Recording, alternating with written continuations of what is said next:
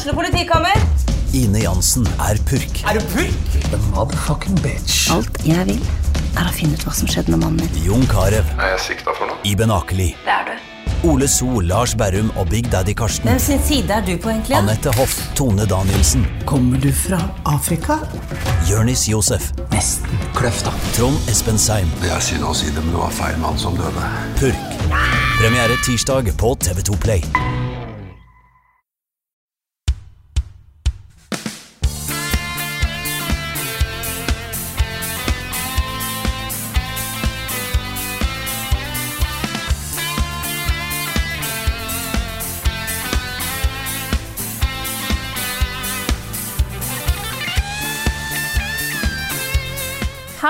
Alle sammen, og velkommen til en ny episode av podkasten Level Backup med meg, Frida Danmo. Og med meg har jeg som vanlig Karl Martin Hogsnes og Rune Fjell Olsen. Hallo, folkens. Hallo, Frida. Såpass, ja. Ja, det her er tøft, også. Jeg vet ikke om eh, Jeg, jeg kan ikke gjøre det her mer. Eller også eh, veldig spesielle omstendigheter, men ikke hvis det er så kjedelig. Nei, det Nei, er vi snakker er selvfølgelig om podkasten, gjør du ikke det? ja. ja. Nei, det, det, det er så veldig gamble, de greiene der. Vi, vi har jo begynt å bli en sånn gjeng som sitter oppe og, og streamer pressekonferanser når de er live. Mm. Og Game Awards er jo egentlig et awardshow, men det er også en pressekonferanse, nesten. Fordi det er så mye ja, absolutt. Så for de som ikke vet det, så var det jo Game Awards natt til fredag. Ja, det var det. Og det er eh, ja, ca. fem timer siden jeg la meg. Fordi Ja. det, det ble seint. Klokka var i hvert fall sånn seks om morgenen eh, da, da det var ferdig. Og det var litt skuffende. Ja, og da For referanse så er da fem, eh, fem si timer siden, når vi spiller inn dette, det er ca. klokka sju på morgenen. Ja.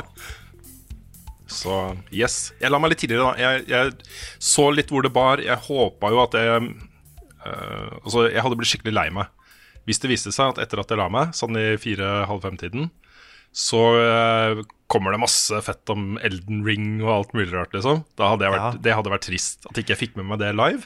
Men det var, så, det, det var så mange ting som vi kunne liksom altså, Det er greit at det er, vi er mellom konsollgenerasjoner, og det er kanskje ikke fullt så mange announcements per, per gang lenger. Men uh, jeg hadde liksom trodd at vi skulle få se litt mer Smash. Altså en ny Smash-character. Det var jeg helt sikker på at det kom til å komme. ja, samme her. Eller liksom gameplay fra Breath of the Wild 2 eller Elden Ring, da, eller Hollow Night Silk Song. Det er liksom så mange ting som kunne kommet. Så jeg var Ja. litt skuffa.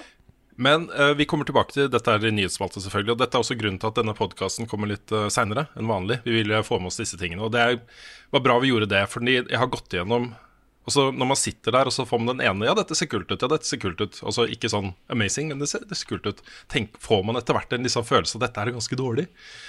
Ja. Men når man går gjennom hva som faktisk ble vist og annonsa på Game Awards i etterkant, sånn som jeg har gjort, da, så er det ganske mye kult, altså. Ja da, Det er ikke så Det er, verst. det, er mange, det er mange kule announcements som vi kommer tilbake til. Definitivt. Ja, så vi, det blir i nyhetsspalten. Vi uh, må plugge kjapt at uh, uh, dette blir eh, Jeg plugger så kjapt nå, tenkte jeg skulle endre rekkefølgen. Sånn plutselig midt i resonnementet mitt. Eh, men dette blir siste normale podkasten vår i 2019. Det kommer flere podkaster, ikke minst så er det da neste fredag duka for Level Up Awards. Som vi skal spille inn rett etter denne podkasten. Ja. uh, og så skal vi lage en til som går mer på eh, hva vi gleder oss til i 2020. Det er mulig vi sparer den til første uka i januar. Eller så kommer den da uh, i romjula. Men det har vi ikke helt bestemt oss for ennå. Men det blir uh, sannsynligvis en ukes pause da, i romjula på pod podkasten. Og det skulle plugge. Det var um, uh, 17. januar er vi da live på østsida i Kristiansand. Det er da studenthuset i Kristiansand. Vi skal kjøre live podkast uten Frida, dessverre, men da med Bjørn. Så det blir kjempegøy. Det er da uh, fullt mulig å kjøpe billetter allerede. Uh, kommer til å bli dritbra. Yes. Jeg må også bare nevne en ting til. Fordi Frida, Ja. du har jo vært i Oslo denne uka her. Og du var gjest da på nerdelandslaget. Det var så gøy. Åh, Det var det er liksom- kult. Ja, det, var, det ble en veldig fin episode. Ja, jeg er helt enig. Vi satt jo der i en god stund. Han ble jo lenger og lenger og lenger. Um, men eh, det var altså så koselig. Nå, eh, jeg hadde liksom gleda meg litt til det, fordi dere hadde jo vært der og snakka om hvor gøy det var. Og så satt jeg og tenkte på sånn Ja, skal jeg Jeg jeg vil gjerne være der. Har du sånn, hallo? Uh, så veldig koselig å bli invitert og få lov til å være der. Det var jo siste ordinære podkast de hadde før jul. Så det var litt sånn juleavslutning, da. Så det var egentlig veldig koselig. Så hvis ikke dere har hørt den, gå og hør på den. Eh, nå var jeg jo egentlig litt sånn i starten litt sånn eh, tenkte, OK, hvis de hadde hatt den samme type konkurransen som de hadde da dere var med på Soundtrack, eh, så kunne vi på en måte hatt en sånn intern eh, rangering, konkurranse, sånne ting der. Nei, det kunne vi ikke. Jo, Nei, det kunne vi. Det skal vi bare glemme. Men nå var det jo noe annet også. Jeg var litt mer skeptisk eh, til liksom, hvordan det har kommet til å gå. Men eh, jeg skal ikke spoile. Men uh, ta og hør på, hør på podkasten. Uh, jeg har jo vært så mye gjest, jeg. Jeg har spilt inn så mye podkaster den siste uka at du, altså, det er jo helt insane. Det var Saft og Svele forrige uke, i tillegg til vår egen. Og så var det nederlandslaget nå, og så spiller vi to stykker i dag og én på mandag. Så det er sånn, Ja. jeg får virkelig snakka fra meg nå. Eh, den gjør du. tida her, altså. Jeg må, jeg må bare sitere en tweet, eh, Frida. Ja. Fordi eh, du skrev på Twitter Ingenting er koseligere enn å snakke om spel i over to timer med de to fantastiske gutta der. Ja. ja, det var det, ja. Are Det we a joke to eh, you? Den har, jeg, den har jeg ikke lagt merke til, Frida. Hva er dette Nei. her for noe? Nei, det Hva Har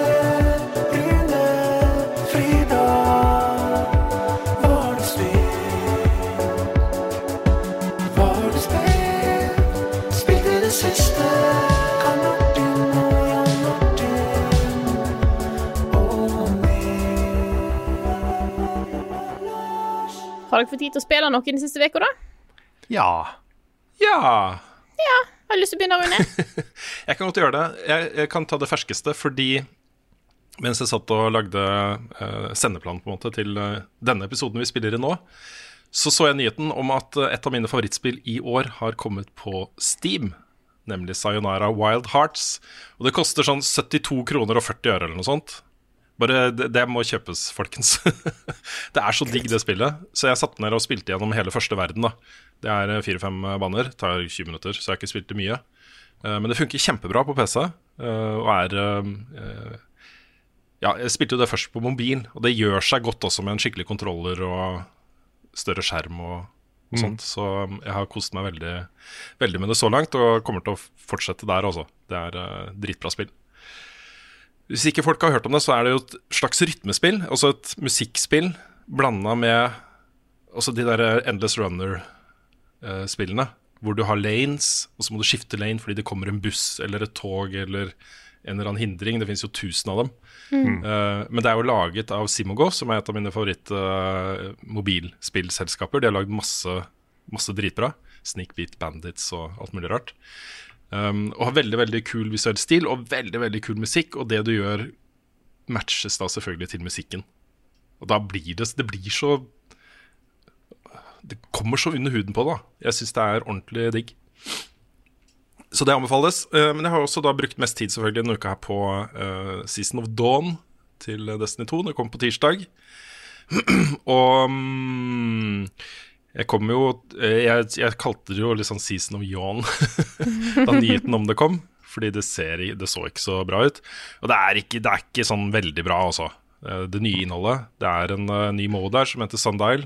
Som er, um, ligner veldig på ting man har gjort før. Uh, hvor du må inn da for å fullføre triumphs som bare gjelder den sesongen her og sånne ting. Um, men det er liksom innført nye open Quests og litt eh, nye uh, hemmelige quests og nytt gear og sånne ting som det er litt fortsatt kos og grind etter også. Så um, jeg kommer nok til å fortsette å spille litt til, men det er ikke en sånn expansions. Den lener seg veldig på Shadowkeep. Bruker alt som er av Pinnacle, altså de beste dropsa, da er fortsatt fra uh, forrige expansion, så du må liksom inn i det raidet. Uh, Du må gjøre den dungeon som kom da, osv. Det er greit, altså. De, eh, de Ja, det Jeg syns ikke de gjør noe. Om jeg ikke bruker like mye tid på denne som andre expansions som har kommet. Men jeg kan jo ta et par Jeg tenkte bare ta et par spørsmål her som har kommet om Destiny. Så kan jeg la det liksom være snakket mitt om det. Det ene er fra Jakob eh, Skrede Langedal, som vi jo kjenner godt. Eh, han spør om jeg har noen, nye tank eh, har noen tanker om uh, Nei, har, har du noen nye tanker om det nye season-systemet i spillet nå som den første standalone-sesongen er ute? Skriver han, Personlig føler jeg at det å låse triumphs og andre items og exotics bak en tidsramme er, er et litt billig triks for å få folk til å henge med hele tiden. Og det han mener, er jo at uh, de strekker jo ut innholdet her ved å timegate noe innhold. Ved å introdusere liksom del to av Quests, stikke down the road.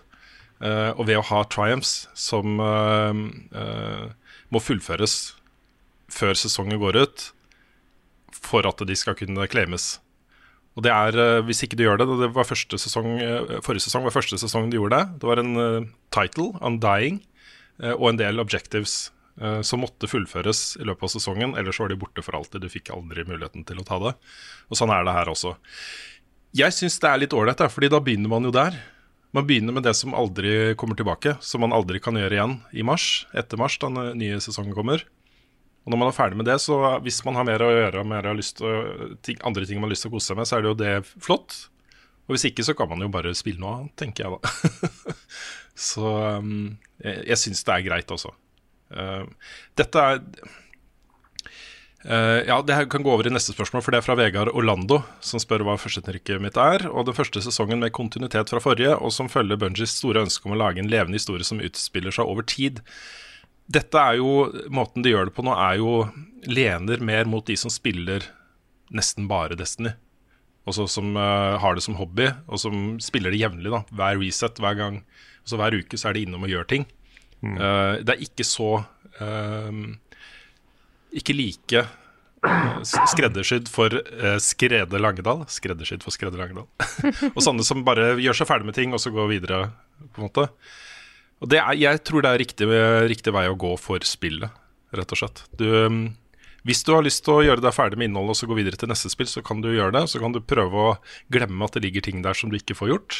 Fordi det er ikke nødvendig å gjøre det. Og så kommer det opp et visst power level, så det er vel nok, liksom. Du trenger Du må ikke gjøre de siste tingene. Så det handler mer om å bare gi litt slipp, da.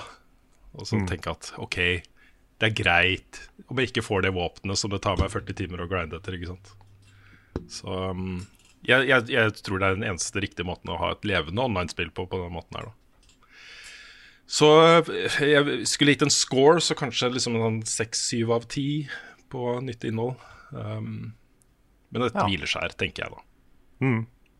De har ikke sagt noe om den neste svære, svære expansion ennå? Jo, det de har sagt er at nå, for nå eh, bygger de på en måte historien. De tar med seg elementer fra forrige sesong inn i ny sesong, og så inn i ny sesong. Det de sier at det skal kulminere med noe av det feteste de, de har lagd, sier de da, eh, neste sommer. Så da den siste sesongen i dette året vil det være ganske svært. Men så er jo den Det som skjer etter det, og det, det er jo enten en sånn type Forsaken kjempeexpansion eller Destiny 3, altså mm. neste høst, tenker jeg. Det er den schedulen de har fulgt uh, til nå, i hvert fall. Skjønner. Så ja, det er vel det jeg har uh, spilt. Ja. Jo, jeg har spilt en ting til. Bare nevne det kjapt. Jeg har spilt uh, Mario and Sonic at the Winter Olympics, Olympic Games 2020. Jeg, hele, jeg husker ikke hele tittelen på det. Det kan godt Ja. hende det heter alt det. ja, den, den har en sånn lang tittel. Uh, at the Official Winter Olympic Et eller annet. Uh, Tokyo er også inne i tittelen her et eller annet sted. Um, nei, men vi har spilt en del av de eventsa som er der, uh, sammen, og det har vært uh, ganske gøy, det også. Det er ikke dritbra, det er ikke dritbra, men det er gøy nok til at uh, man kan sitte som en familie og, eller venner da, og hygge seg litt. Jeg tror det kunne vært kult å gjort en stream på det eller noe sånt en gang, faktisk. Jeg liker uh, looken på de der retro-eventsa. Ja. Mm, jeg vet. De ser kule ut. Ja, Sønnen min ville jo ikke røre de, da. Så vi har bare, vi har bare skutt på blink, og boksekamper har vi gjort, og eh, løpt litt 100 meter og sånt. Så Ja. ja. ja, Ja. det var meg. Skal jeg ta over? Ja. Nå kan jeg spise litt lussekatt som kona har bakt eh, mens du Ja, Hun driver og spiser Det er jo Lucia-dagen i dag. Så det egner seg bra. Nei, jeg har, jeg har spilt litt forskjellig. Det har vært mye litt sånn uh, småting. Jeg har gjort meg ferdig med Jedi Fallen Order. Det er jo ikke en liten ting, men uh, jeg, jeg syns jo det spillet ble bedre. Jeg, altså, det er jo et veldig, veldig bra spill. Jeg trenger ikke å snakke lenge om det, for vi har prata mye om det allerede. Men, um, men jeg har kommet meg gjennom det. Og det er jo veldig, veldig sequel-bate, det her. Men jeg, jeg har et lite håp da om at du skal få litt flere spillbare characters i neste spill. Fordi de har jo etablert noe nå, og kanskje litt flere litt flere interessante hovedpersoner enn enn han hovedpersonen. så, det, så det håper jeg jo, at, at det blir eh, At man kan spille som noen av de andre, rett og slett. Jeg syns de er så mye mer spennende enn han. Men um, Men ja, jeg, jeg likte det veldig godt. Så det kan hende det kommer på topp ti. Vi får se. Jeg, er ikke, har ikke helt bestemt meg ennå. Litt avhengig av Jeg må få spilt eh, Death Stranding og et par spill til før jeg, før jeg nailer den lista. Control. Control. Control også. Altså, of Wilds. Ja, Ja. Jeg blir sur hvis ikke du spiller Control og of Wilds, Carl. Ja, det er greit. det er greit Bare se, se hva jeg rekker i romjula i januar. Ja, også, Du får jo spille det du har mest lyst til, da. Men uh, Ja. den lurer, Altså- hvis, du, hvis du vil komme gjennom ting for din egen del, liksom, for jobbgreier, så bør du nok starte med Control og Out of Wilds. Fordi jeg tenker Death Stranding er et sånt spill som Det er så varierte meninger om det, og det er hele skalaen, liksom. Det passer et fint spill til å bare ta litt sånn underveis. Ja da. Jeg, bare, jeg føler at jeg må ha spilt Death Stranding før jeg lager en toppliste. Fordi det er så Jeg vil være en del av den samtalen om det spillet, liksom. Det skjønner jeg. Så eh, det står på toppen nå. Og så har jeg liksom Outer Wilds og Control. Men jeg må også få spille Life is Strange ferdig. Så det er, liksom, det er en del sånne ting som venter. Too Men, many games. Men Det som er tingen da med Control, og sanne spill som Control og Outer Wilds, er at de er jo ganske spesielle. Altså litt, De er annerledes, de gjør ting på annerledes måter. Og jeg opplever ofte sjøl med sånne spill at åh, det føles som det kommer til å være så vanskelig å grave seg inn i dem, på en måte. Og få de til å klikke, da, eh, med min egen opplevelse. Det er ikke sånn, altså, på de to spillene. Det er, ok, det er, jeg vil si Med Outer Wilds vil jeg si at det tar litt tid før du blir vant til den litt sånn clunky, fordi det er veldig primitiv teknologi du styrer her. da. Så det er ikke så lett å styre det romskipet og lande og sånne ting. Første gangen, eh, de første gangene som jeg fløy ut i verdensrommet, så krasja jeg jo i måner og asteroider og alt mulig rart, liksom. Um, men så 20-30 minutter etterpå så er man i en sånn groove da, som er veldig behagelig. Eh, og Det samme gjelder med Control. Er, Control er et sånt spill som du kan bare følge storyen. Du blir geleida gjennom historien hvis du vil, og så kan du ta så mange av, avstikkere du ønsker selv. Men det er veldig lett å bare følge den flowen. Det er ikke Ja. noe komplisert, liksom. Det er så, det er så mange spill. Jeg må, jeg må rekke å spille alle. Jeg håper jeg rekker å spille alle sammen. Jeg får se. Men uh, jeg har også uh, gjort meg ferdig med Arise, A Simple Story. Som Ja. vi begynte på, begynte på på stream forrige uke. Og det Du ga jo det spillet som høres helt likt ut. Uh, Lost Ember ga du sju av ti, Frida. Jeg tror jeg gir Arise sju av ti. Ok. Så eh, det er sånn Jeg vet ikke hvilket spill som var best, men det var, jeg syns det var veldig bra. Det var visuelt utrolig pent, og musikken er nydelig. Og det er veldig kule sånne gameplay-twister per, per level. Men uh, det som holder det litt tilbake, det er det der dybdeperspektivet i plattformdelene. For det er litt vanskelig, og det blir vanskeligere. Og da sitter du og er litt sånn frustrert når du spiller det, fordi eh, du vet aldri helt hvor du kommer til å lande. Om du lander bak steinen, på steinen eller foran steinen, liksom. Så det er nok den ene tingen jeg ikke likte så godt. Mitt inntrykk fra i hvert fall av den streamen da, var at Arise var gjennomsnittlig Altså gøyere hele veien. Ja, det, jeg- kan, det tror jeg. Mens jeg følte at Lost Ember hadde eh, veldig ups and downs. Men eh, jo, det har jeg spilt, og så har jeg fått spilt ferdig Mosaikk. Ja. Nå har jeg kommet meg gjennom det, og det syns jeg var veldig bra. Det er full disclosure, vi kjenner jo Cato osv. um, men uh, jeg likte det veldig godt. Og spesielt liksom hvor visuelt kunstnerisk det var. Ja. mm. det er så mange scener i det spillet hvor du bare kan Du kan ta et screenshot og henge det opp på veggen, liksom. Ja.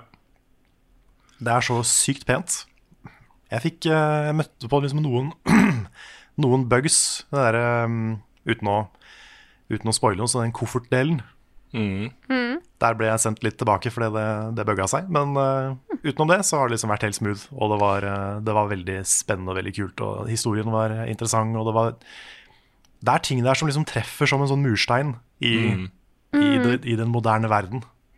Helt sant. Og jeg syns de kaprer liksom veldig den derre daily grind-følelsen. Det å liksom være sliten, men å måtte fortsette. Og det, det måtte liksom prøve å balansere privatliv og venner med jobb, og så er det vanskelig. Altså Hele den pakka der med å være voksen og være Ja, alt det der, det, det syns jeg de gjorde veldig, veldig bra. Nå er det jo Så- ikke ja.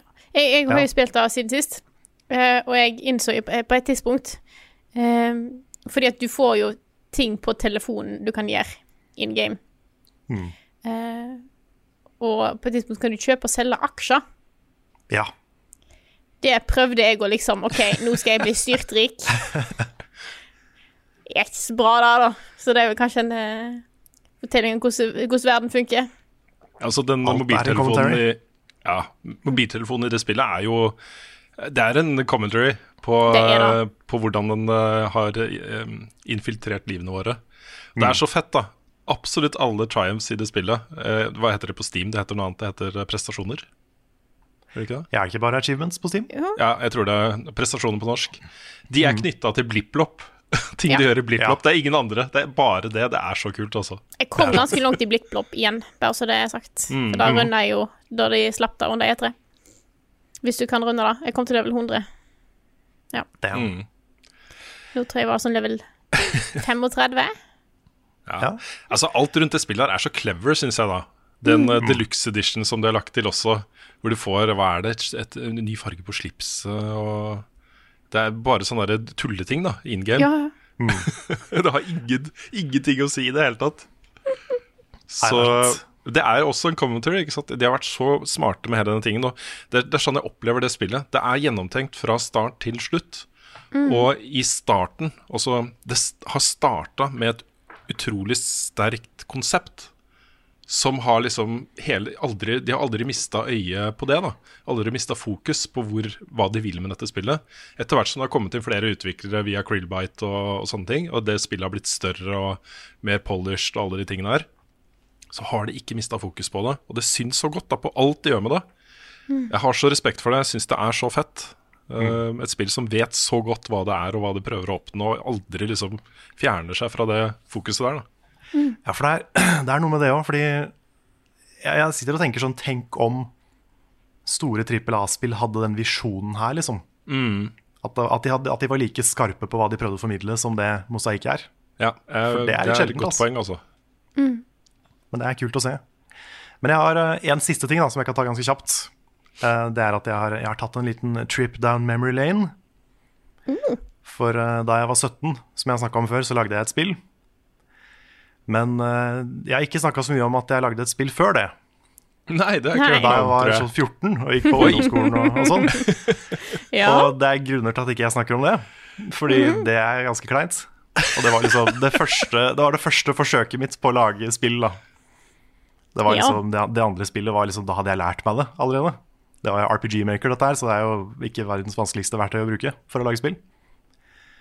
Um, men det spillet het The Hero of Maduna. Og det som var um, Jeg hadde så lyst til å liksom lage en, en sånn typisk JRPG-helt, da men han skulle hete noe kult, for det var jo på engelsk. Og min da 14 år gamle engelsk, som eh, hadde mange svulstige, men ikke veldig gode formuleringer her og der. Men jeg, jeg skjønte at liksom hovedpersonen måtte ha et navn, da som et sånn minneverdig navn. Sånn kult engelsk navn. Og jeg landa på Alan. ja, ja. Jeg aner ikke hvorfor. Jeg endte opp med, med helten Alan. eh, Altså en litt sånn medieval eh, soldaten Alan, da. Eh, og så er det andre characters. Så er Lisa er det en som heter. Og Michelle. Og Magus og Keith. Det er liksom hovedpersonene. Og så er det en Gary inni der, oppkalt etter han fra Pokémon. Ja. Så det, jeg driver og spiller sånn forsiktig gjennom det, og det er ganske langt, det også. Det, det andre spillet mitt er jo sånn nesten ti timer langt. Dette her er sånn kanskje fem. Og Såpass, ja.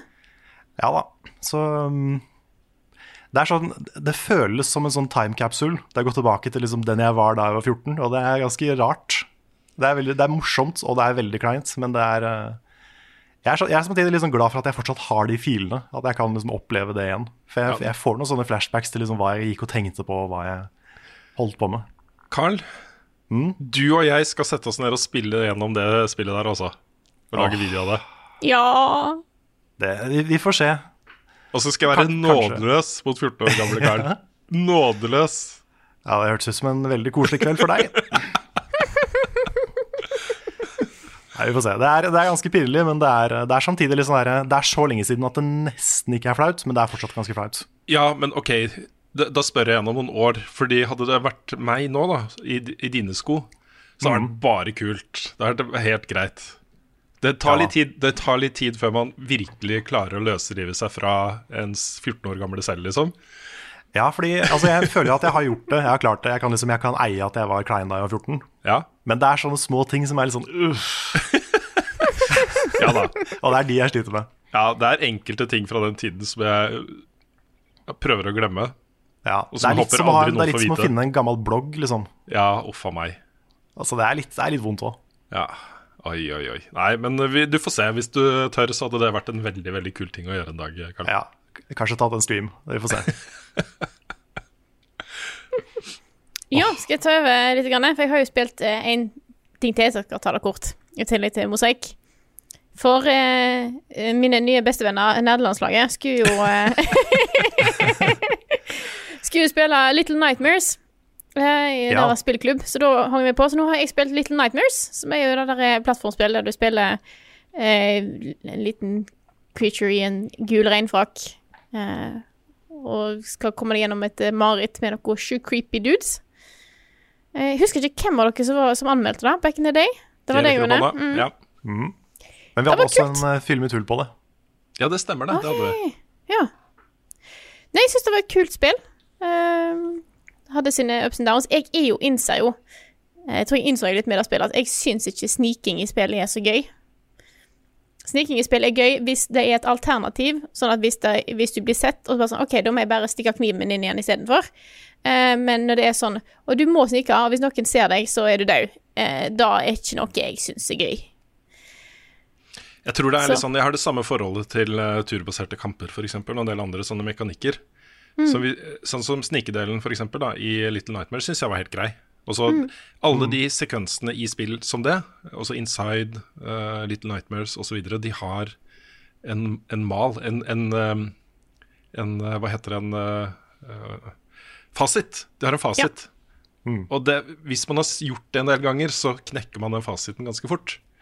Man eh, skjønner liksom at du må løpe dit akkurat da, og vente der så og så lenge, og så videre. Og så man forstår den bedre, da. Men hvis man ikke er, liksom, syns det er noe gøy, og sånt, så knekker man ikke den koden like lett. Det, for tingen, det som irriterte meg i Little Nightmares, var det at jeg skjønte hva jeg skulle gjøre, og så gjorde jeg det, og så ene gangen gikk det, og den andre gangen bare sånn Å ja, nå kunne du ta meg gjennom en vegg. Eh, og da blir jeg litt sånn Da, da mister jeg interessen med, jeg òg. Ja. Jeg, synes, uh, jeg er veldig glad i stealth i spill, men jeg syns det er vanskelig å gjøre det riktig. Ja, det er litt det òg. Det er noe med det sånn uh, For eksempel så hater jeg det at hvis, hvis én person ser deg, så ser alle 40 deg, for eksempel. Det er sånn irriterende ting som er Jeg skulle ønske jeg bare kunne ta han ene, og så fortsette å være stealthy. Det kan du i Death Stranding. Ja, nice. Men jeg, jeg må jo si det om Little Nightmares at det er jo kanskje det, Altså, det er et fantastisk kult designerspill. Eh, Artstilen er jo dritkul, og alle disse creepy eh, folka du er nødt til å eh, rømme fra, er jo helt insane bra eh, designa. Så da skal det ha creds for. Jeg syns starten på det var veldig sterk, og så syns jeg slutten på det var dritsterk, og redda på en måte mitt helhetsinntrykk ganske mye, da. Um, men det, jeg, jeg er litt enig i at uh, Midtpartiet Så jeg også sleit litt med å få tak i den hylla som jeg skulle få tak i, og sånne, sånne enkle Ja. kontrollsystemting, da. Som burde vært litt mer tilgivende. Ja.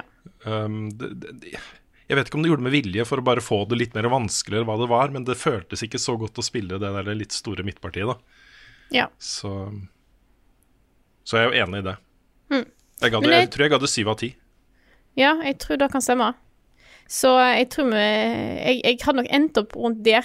Eh, kanskje hakket under fordi at jeg ikke liker den type gameplay. Men det er liksom Det er meg personlig. Jeg vil jo si Mm. at spillet i seg sjøl er designa bra. Eh, men ja, Ja. her er det personlige meninger. Og så er det jo gøy, da, fordi det har jo tydeligvis gjort det såpass bra at det kommer et nytt spill i den serien neste år. Og det er, eh, det er typisk en sånn konsept og et studio som kan vokse på en, eh, et spill som kanskje ikke er perfekt, men hvor de ser selv liksom Å, det kunne vært bedre, det kunne vært bedre. Og vi har så lyst til å bare fikse det og gjøre en mye bedre opplevelse av det. Så det spillet, det tror jeg fortsatt kan bli fantastisk også, selv om jeg ikke var superglad i originalen. originalen. Jeg er helt enig. Så da tror jeg kanskje jeg kommer til å teste ut. Ukens anbefaling. Hva skal jeg mene på? Ukens anbefaling. Hva skal jeg finne på? Ukens anbefaling. Hva skal jeg finne på? Ukens anbefaling. Hva skal jeg finne på? Da sitter Carl klar med en juleanbefaling til denne julepodkasten vår. Det gjør jeg, vet du. Fordi det er jo desember, og da kan vi liksom prøve å ha sånn juletema på anbefalingene, tenkte jeg. Og eh, ukas anbefaling, det er en Netflix-film. Som jeg ser det er flere i, eh, i kommentarfeltet vårt som også har spurt om eh, vi har sett. Og det er filmen Klaus. Ja! Og det som er litt, uh, litt kult ja med den vet du hva, kan jeg bare skyte inn her? Ja, Jeg er glad du sa Klaus, og ikke den andre filmen som alle snakker om på Netflix nå. Den med uh, Scarlett Johansson og, og Kylo Ren. ja. Nei, den er ikke. Skilsmissefilmen. Nei, den har jeg ikke sett. Det hadde blitt dårlig stemning her også. Ja, ja. ja nei, det er definitivt ikke den. Dette er en julefilm. Ja. Og det som er litt kult med den, er at den er eh, 2D-animert. Jeg vet ikke om alt er 2D-animert, men i hvert fall veldig mye av filmen er det. Og den er utrolig sånn vakker å se på. Den er ganske morsom. Eh, Det er en veldig sånn søt, koselig, veldig julete film som er både morsom og eh, engasjerende og litt trist. Og liksom Du har alt det en julefilm skal ha, ikke sant? Mm. Og eh, en ting som overraska meg litt, var at den av og til blir litt sånn mørk på en morsom måte. Sånn som du har en, du har en karakter som går igjen bare sånn bilder her og der, da. Og det er en sånn liten jente, veldig sånn gotisk, sliten liten jente, som sakte fører en gulrot inn i magen på en snømann. ja. Hun er veldig morsom. Det, er sånn, det, det er litt sånn morderisk by, det er nemlig. Mm. Så, så det skal liksom Det handler jo om at byen Det er ingen som er glad i hverandre. Alle driver og krangler og har det kjipt, ikke sant. Så skal man prøve å ordne opp i det, og så er det jo liksom kanskje noen som bor et sted da, som kanskje kan ordne opp litt. Og det er, jeg skal prøve å ikke si så mye, så ikke jeg spoiler hele filmen, men, eh, men det er jo da liksom en, en slags sånn origin story. En, en fiktiv origin story for julenissen. På en måte. Mm. Ja, den, er veld, den er veldig, veldig bra. Jeg vil også bare legge til, da, at, eh, for det har sikkert ikke du oppdaga, men den er dubba på norsk. Det er jo Ja, kjempebra er for eh, sånne som meg.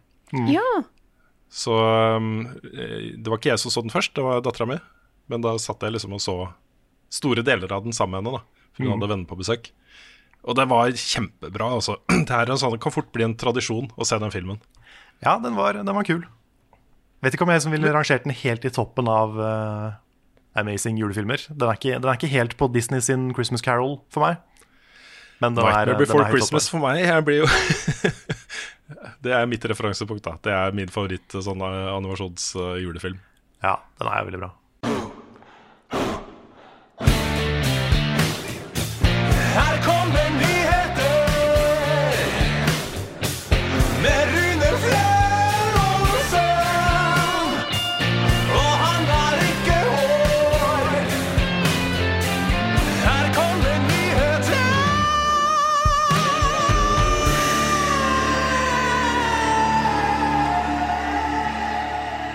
Helt på slutten av The Game Awards 2019 så fikk vi da det perfekte bildet på hva det showet og uh, det greiene der er. Uh, årets spill ble kåra. Sekiro. Miyazaki på scenen og sånne ting. Veldig spill, spill, spill. Hardcore. Prisen ble delt ut av Vin Diesel og Michelle Rod Rodriguez. Ja. Som, også var der for å, ja, som også var der for å kunngjøre et Fast and the Furious-spill. Ja, stemmer. Ja. Det kommer et Fast and the Furious-spill uh, neste år. Eh, jeg syns det var et så perfekt bilde på hva det showet er. Det, er, det var- kunne, kunne ikke gjort det bedre, på en måte. Nei, det er, det er veldig kommersielt. Ja. Ganske sånn kjendisfokusert. Ikke så mye som det var før, men Nei. fortsatt ganske. Ja, da Og, hadde NBA-MVP-en der også. ja da. Så ja, det var eh, ja, morsomt, da. Eh, jeg syns jo det er eh, veldig sjarmerende og eh, kult at selve priskåringene fortsatt Jeg føler det fortsatt har integritet, da. Det er en jury her, en fagjury, som bestemmer 90% og så er det 10% publikumsstemmer. Jeg syns det er en fin måte å på en måte kåre rettferdige vinnere da, i kategorier. Så jeg syns fortsatt eh, prisen i seg selv har mer integritet enn mange andre kåringer. Ja. Uh, men, det er, men det er litt slitsomt å se på, for det kommer og så, Jeg had, fikk en tanke, fordi grunnen til at det er så mye reklame og sponsa inn, innslag, og, og sånne ting, er jo fordi de har et sjukt show med fullt orkester og henter inn stjerner, og det er så mye der, liksom. Kunne de ikke lagd et litt enklere show, da? Noe som ikke er fullt så svært, og som er mer fokusert på spill. Og da kan du slippe å si ja til, eller gå ut og trygle om penger fra alle, liksom. Det er Ja. Bare litt hjertesukk.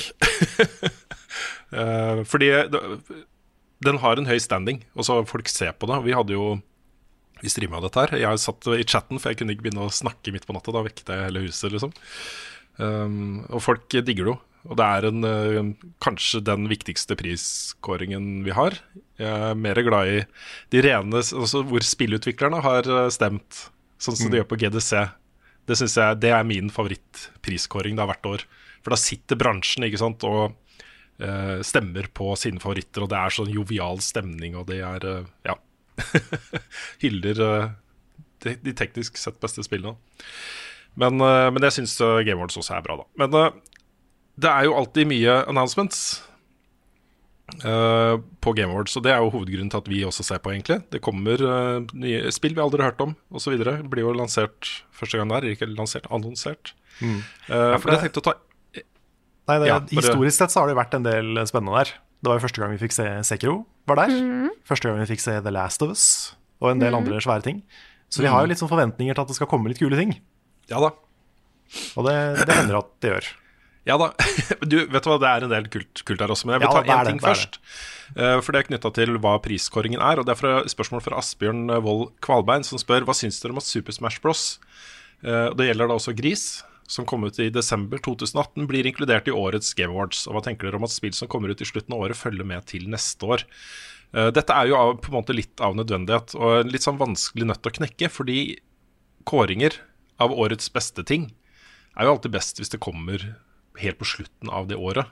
Mm. Um, I hvert fall mye bedre enn om det kommer i mars, Frida. Ja. Ja da. Ja, men det bør være aktuelt, da. Det er derfor det gjøres. Det er, det er Ja, kulere ja. å kåre årets beste spill. Og dette er også spill da som ikke sant, eh, Vinnerne kan bli eh, få det klistra på en eh, trailer, sånn at folk kjøper det i julegave til alle de kjenner. og, og sånne ting. Det er, ja. Um, men personlig så liker jeg det ikke. da Jeg syns ikke det er Jeg syns det blir rart. Det er rart når Gris og Smash Bros er med på en 2019-kåring. Ja, det, jeg skulle ønske de heller hadde det i januar. Ja. Det er det du burde gjort. Ja. Ja. syns jeg, da. Mm. starten av januar. Sånn som norske spillprisen. ja. Den er jo alltid starten av januar, og det er et perfekt tidspunkt å holde en sånn kåring på. Våre topplister kommer som regel i januar. Det gjør det. Eller Mars. Eller Yes. mars. Vi får, eh, jeg tenkte å gå eh, litt grundig gjennom de største nyhetene, og så bare ramse opp resten, Kjør på. hvis dere er med på den. Okay. Eh, den største nyheten på årets Game Awards var jo avdukingen av utseendet på eh, den nye Xboxen eh, og navnet. Den vil da hete det klingende, um, ikke rare navnet i det hele tatt, Xbox Series X. Sexbox. Xbox eh, Ja. Så skal, ja, så skal vi forkorte det. X6. Xbox. SX. Altså enten Xbox 6 eller Sexbox, som er, jeg Ja. så på i Reddit, og er min favoritt. Sexbox er bra. Ja. Ja, sexbox er fint. De, de, eh, de antyder jo, eh, også basert på hva vi vet om hvordan det er gitt ut konsoller eh, tidligere, at det vil komme kanskje en Series Y. Series Y kommer de nok ikke til å legge ut. Nei, det, Nei, men S er jo en eh, det- bokstav vi kan glede oss til å se, tror jeg. Xbox Series S. men, jeg- men series betyr at det er mange versjoner av den, da. Ja, Det, det er på en måte en det er, det er en modell, da. Det er sånn som um, um, Altså jeg, jeg, tror de, jeg tror de ser den modellen som en serie, at det omtales som det, men at ikke det er mange serier av X. Men at det er Og så kommer det en Series S, og så er det en annen modell. Ja, Jeg- sånn, ja. hm. Jeg er litt redd for at de har gått på en navnesmell her. Altså ikke utenom uh, meme-nesten, som du kan gå til lange baner med, men mer da at Litt av samme som Nintendo gjør med Wii U. At det ikke nødvendigvis for de foreldre skal kjøpe konsoll, eller folk ikke setter helt inn i det, så kan det være på en måte De har jo hatt en Xbox One X, og det er liksom Xbox Series X, så det kan jo være at da på en måte føles bare sånn Å ja, det er den samme konsollen. Hvorfor trenger Ja, vi det å kjøpe den? Det høres ikke helt ut som en ny generasjon, nei. Nei, det er akkurat da. Så jeg er faktisk litt redd for at det kan eh, At det kan bli en liten smell. Men jeg. Jeg, jeg skjønner hva du mener. Jeg, jeg lener litt mot at jeg syns det er eh, smart. Det er fordi jeg tror nå at de kommer til å beholde Xbox One X som en option å kjøpe. Fordi alle, alle spill på, på Series X vil være bakoverkompatible. Også, du vil kunne spille både 360 og Xbox One-spill på den. Um, og jeg, jeg tror den kommer til å bli branda og markedsført som den klart beste Xboxen. Og at en del av disse spillene, kanskje de fleste av de store store spillene, ikke vil komme ut da på Xbox One fordi du trenger datakraften i Xbox One X. At den kommer, det er sånn de kommer til å brande det. Men at du vil få et stort bibliotek på, det, på et litt lavere modell og, og sånne ting. Jeg, jeg, også visuelt også så er den jo ganske annerledes. Det er jo en svart boks. Ja. Men Xbox eh, ja. eh, men jeg syns den var stilig. da Den var litt sånn der, eh, control brutalistisk designa. Jeg syns det var et fet design på den. Han kunne ikke Jeg likte ligge. den veldig godt. Så- Den kan også ligge. Eh, og da vil den passe inn i Jeg tror de har sittet og målt hvordan uh, sånne TV-benker ser ut, og hvor høye de hyllene er, og og funnet noe som passer akkurat. Og så er jo luftinga er jo da på toppen hvis den står, og på siden hvis den ligger. Så du vil da ha muligheten til å liksom rydde masse plass på siden av den, istedenfor å være stressa på at uh, liksom uh, gulv og tak i den TV-benken din kommer for nærme, da. Så det, det virker på meg da kanskje som kanskje litt smartere enn den der store V-en som er i PlayStation 5. det søkker ned med masse vifter og, og sånt. Det er vel ikke bekreftet da er den ferdige kommersielle looken på den? jeg har hørt folk si at uh, den ligner ganske mye på uh, designet. Og det som, er grunnen det? til at, det som er grunnen til at den er designa på den måten, det er jo så sjukt mye PlayStation 4 bråker, også Pro. Ja. Og så eh, passer det jo med 5 og V. Ja, det, er nok, det har nok noen sånne tanker rundt der. Så uh, Men den er ikke pen, ass. Nei, den er ikke pen, men hvis den er stille, så er- driter jeg i hvor pen den er. Altså. Jeg er så lei Jeg er så Ja. lei av det der flyet som jeg har eh, inni Da finnes det jo en modell da av eh, PlayStation 4, bare så det er nevnt, som er mer lydløs, hvor de har eh, fiksa de verste problemene. Det er jo Jeg har to PlayStation 4 tilgjengelig, og ingen av de er den, den modellen. da Så Nei. Nei, fordi jeg syns jo PlayStation 4 kanskje er den peneste konsollen. Ja. Mm, akkurat, ja, jeg er litt uenig. Altså. Jeg syns uh, Xbox One X uh, Jeg har sånn Project Scarlett-versjon av den. Den er nydelig, altså. Den er nydelig. Ja. Men de viser jo ikke noe så mye om uh, mer enn bare her igjen. Den kommer. Eh, Nei. De eh, Ja, den kommer da Holiday 2020. Det kom det en del spørsmål på streamen, så kan vi nevne at eh, det, det er liksom perioden mellom thanksgiving og jul i USA. Kalles holiday. Det er the holiday. Og så er også påsken holiday. Men det er the holiday. Så når vi sier yep. holiday 2020, så er det den perioden de mener, da. Så tipper slutten av oktober, eh, tidlig desember seinest. Sånn jule, julepakkesalget som vi snakker om da. Um, de har redesigna kontrolleren litt, ikke så mye. Den ligner veldig på den vi kjenner nå, uh, fra Xbox One. Men den har en sånn share-knapp, som jo er på PlayStation. Det blir en lang dag for deg, dette her, Karl? ja, det går fint. Jeg bare, um, jeg bare chugger litt kaffe. Ja, og så er den da bakoverkompatibel, som den heter. Eh, ja. Den fucker jo litt opp, både den og PlayStation 5 fuck- fucker jo litt opp den der 2020-listene vi skal lage. Vi vet jo ikke helt hva som blir launch-spill på de Nei. ennå. Nei. Jeg har en følelse av at E3 2020, hvis det faktisk blir et E3, sånn som vi kjenner det, så kan det bli ganske svært. Da kommer alle de store launch-spillene, sannsynligvis. Jepp. Ja, så får vi følge ekstra nøye med på GDC i år, tror jeg også. Jeg tror eh, det kan være en eh, Og det er da Game Developers Conference hvert år i San Francisco. Eh, det har kommet en del svære announcements der tidligere, og dette er en gyllen anledning, tror jeg, da, for eh, Sony og Microsoft til å komme med litt mer juicy details. Det som eh, vi kan knytte til Xbox Series X-avdukingen, var jo da eh, avdukingen av et helt nytt spill som alle ble veldig veldig glad for å se. Og Det er da Det heter enten Senua Saga, Hellblade 2 eller Hellbl- Hellblade 2 kolon Senua Saga. Jeg er ikke helt sikker på hvem av de det er. Nei. Det er Hellblade 2. Det er Hellblade 2. Hellblade 2. Og for en uh, latterlig kul eh, trailer det var, altså. Hvor Ja. uh, Senua står der og ropechanter uh, inn, rett inn i kamera. Ja, det var en uh, old-timey MTV-musikkvideo, rett og slett. Det var det. Men uh, jeg, hadde aldri, jeg hadde egentlig ikke sett for meg at Hellblade skulle få en oppfølger. I hvert fall ikke med Senua, fordi hennes historie var, liksom så, den var så spesifikk og contained i det første spillet. Mm. Så det mm, traff meg litt sånn off guard. Men det er også en, eh, en veldig sånn flott ting også, fordi dette er jo eh, det, eh, Hellblade handler jo om eh, mentale lidelser. Mm. Um, og selv om på en måte du får en slags også, det, Noe blir resolva da, i det første spillet, så er jo dette ting man gjerne har med seg resten av livet. Og det at eh, hun kan på en måte havne i nye situasjoner, er Det er litt sånn det er, da. For, for folk som opplever noe av de samme tingene som hun opplever. Så sånn sett så er det på en måte en veldig god anledning til å lage en oppfølger som uh, kan poengtere det òg, da. Og så er det jo bare sjukt fett gameplay i det spillet, må jeg si. Også det er et viktig spill, og det er game for change og alle de tingene der, men det er så kult å spille det spillet, altså. Det er det. Det er et veldig bra spill, og det er sånn, men det, det ligger jo litt sånn imellom trippel A og indie. Um, Ja da. så jeg er litt spent på om Hellblade 2 også kommer til å gjøre det. Mm, det er Eller om det poeng, kommer til å gå full trippel A, liksom. Mm.